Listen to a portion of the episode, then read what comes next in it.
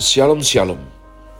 Saat Anda mendengarkan suara saya lagi Pendeta Kaleb Hofer Bintoro, rupa-rupanya kita sudah berada di penghujung bulan ini, yaitu 30 April, hari Sabtu 2022. Umat Tuhan, saya berkata demikian karena merasa diri sendiri juga harus terus diingatkan rupa-rupanya kita sudah menempuh empat bulan di tahun 2022 ini dan besok hari kita akan jumpa di bulan baru yakni bulan Mei umat Allah.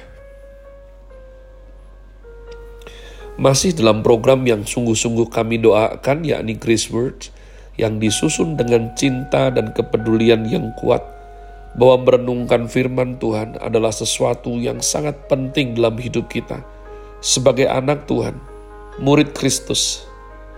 Maka kita langsung masuk dalam tema bulan ini, yakni Delighting in King's Word.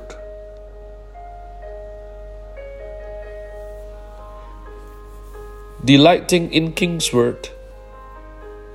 Dan Grow hari ini saya berikan judul Pengakuan Iman Rasuli bagian ke-149.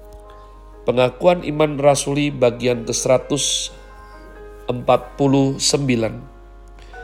Mari bergegas umat Tuhan kita membuka sekali lagi warisan iman Kristen daripada para rasul Kristus secara langsung simbolum apostolorum atau kita sebut dalam bahasa Indonesia pengakuan iman rasuli. Aku percaya kepada Allah, Bapa yang Maha Kuasa, Khalik langit dan bumi, dan kepada Yesus Kristus anaknya yang tunggal Tuhan kita, yang dikandung dari roh kudus, lahir dari anak darah Maria, yang menderita sengsara di bawah pemerintahan Pontius Pilatus, disalibkan mati dan dikuburkan, turun dalam kerajaan maut. Pada hari yang ketiga, bangkit pula dari antara orang mati, naik ke surga, duduk di sebelah kanan Allah, Bapa yang Maha Kuasa dan dari sana ia akan datang untuk menghakimi orang yang hidup dan yang mati. Aku percaya kepada Roh Kudus, gereja yang kudus dan am, persekutuan orang kudus, pengampunan dosa, kebangkitan orang mati, dan hidup yang kekal. Amin. Mat Tuhan kita sedang membahas kredo terakhir daripada pengakuan iman rasuli, yakni aku percaya akan Allah Roh Kudus yang disusul dengan gereja yang kudus dan am serta persekutuan orang kudus. Kita sudah belajar bahwa tanpa kedatangan Tuhan Yesus ke dunia tidak ada kasih yang sejati. Yang ada adalah kasih yang egois, cinta yang memperalat, berfaedahkan untuk diri sendiri, merugikan orang lain. Ketika Tuhan Yesus datang ke dunia, maka kalimat gereja, kudus dan am, persekutuan, tiga tahap ini berarti Kristus satu menyerahkan diri, dua memecah-mecahkan tubuhnya, dan tiga mengalirkan darahnya untuk membuat manusia ditebus, namun juga membangun suatu gereja yang bersatu, yakni Am di hadapan Tuhan.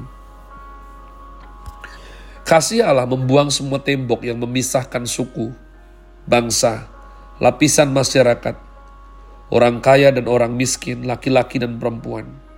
Semua dihancurkan temboknya, dipersatukan jadi gereja.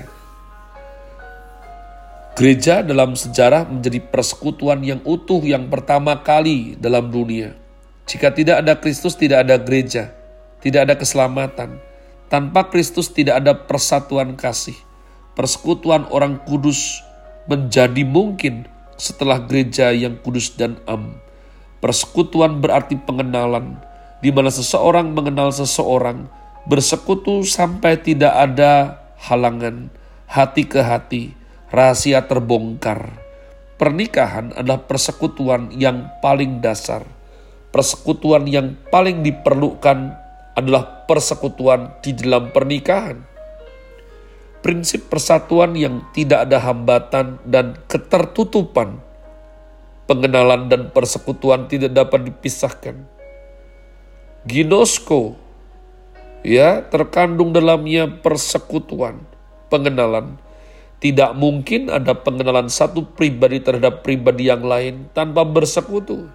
Istilah pengenalan dan persekutuan tidak bisa dipisahkan umat Allah. Aku percaya kepada gereja yang kudus dan am, yang kemudian dilanjutkan dengan kalimat, Aku percaya kepada persekutuan orang kudus. Persekutuan dan kudus digabung jadi satu. Yang murni dengan yang murni baru bisa jadi satu. Persatuan memerlukan kemurnian. Alkitab mengatakan persekutuan orang kudus, engkau orang suci, saya orang suci, semua orang suci yang bersih, ketemu orang suci yang bersih, kedua orang ini bersekutu tanpa jarak, tanpa hambatan, tanpa ada tembok pemisah. Dalam 1 Yohanes 1 ayat 7 sampai dengan 8 dituliskan, Jika kita hidup di dalam terang sama seperti dia, maka kita beroleh persekutuan seorang dengan yang lain. Orang Kristen berjalan dalam terang, sama seperti Allah berada di dalam terang, maka kita bersekutu. Jika kita berjalan dalam terang, sama seperti Tuhan ada dalam terang, kita bersekutu di dalam Dia. Terang dengan terang, tengahnya tidak ada batasan. Engkau yang berjalan dalam terang dengan orang Kristen lain yang juga berada dalam terang, mempunyai persekutuan yang tidak memiliki batasan. Allah adalah kasih. Kasih tidak terbatas. Allah adalah terang. Terang tidak terbatas. Allah adalah hidup dan hidup itu tidak terbatas. Di mana ada terang, kegelapan hancur. Di mana ada hidup, kematian hancur. Bersatu berarti persekutuan. Persekutuan berarti pengenalan. Orang Kristen mengenal orang Kristen lain Orang Kristen mengasihi orang Kristen yang lain di dalam terang dan di dalam kasih, hidup bersama di dalam Tuhan. Inilah yang namanya persekutuan gereja. Persekutuan yang dilandaskan di dalam cinta kasih dan persekutuan, maka tidak ada batasan lagi seperti ras, suku, warna kulit, dan lain-lain. Alkitab menyatakan kita memiliki persekutuan dengan Allah terlebih dahulu, maka kita akan dapat memiliki persekutuan dengan sesama manusia. Dalam 1 Yohanes 1 ayat yang ketujuh dikatakan, tetapi jika kita hidup di dalam terang, sama seperti dia ada di dalam terang, maka kita beroleh persekutuan seorang dengan yang lain, dan darah Yesus anaknya itu menyucikan kita daripada segala dosa. Semua yang hidup di dalam terang bersekutu sama dengan yang lain, satu dengan yang lain. Persekutuan orang kudus berarti persatuan orang Kristen. Persatuan orang Kristen dimungkinkan karena terang, cahaya kebenaran firman, dan hidup yang berasal dari Tuhan membuatnya bersatu. Pada abad pertama, ketika orang Yahudi bersatu dengan orang Yunani dan orang Romawi, ketika laki-laki dan perempuan, majikan dan budak dapat bersekutu dan bersatu dalam Tuhan. Itu semua dikarenakan Tuhan Yesus Kristus. Terjadi cinta kasih yang melampaui bangsa, suku, warna kulit, dan benua. Hal yang belum pernah terjadi sebelumnya. Ini hanya dimungkinkan karena Kristus dan bisa berlangsung hingga hari ini. Maka tidak ada orang, tidak ada ideologi, tidak ada agama di dunia ini yang dapat mempersatukan manusia seindah Kristus. Kristus datang ke dunia dengan membawa kedamaian, perdamaian, persatuan, cinta kasih terbesar. Sejak Adam dan Hawa berdosa melawan Tuhan, Lalu Kain membunuh Habel. Dunia dipenuhi dengan sejarah perseteruan dan peperangan. Ada pepatah yang mengatakan bahwa semua buku sejarah ditulis dengan darah manusia. Perpisahan, peperangan, dan perceraian terus mengancam manusia. Hidup tidak ada damai hingga Kristus datang ke dunia. Ketika Kristus hadir di dunia ini, Ia mendamaikan engkau dan saya dengan Tuhan Allah Bapa.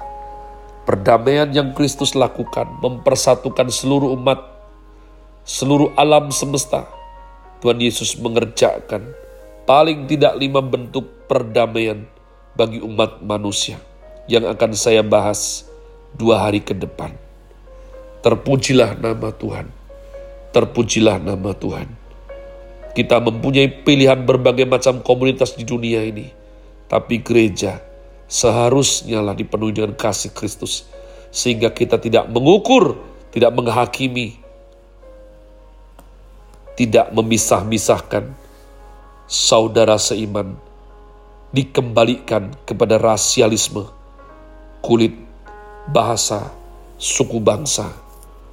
Saya berdoa sungguh-sungguh kita mengerti, yakni intisari, gereja yang kudus dan am. Have a nice day. Tuhan Yesus memberkati saudara sekalian. Sola. Grazie.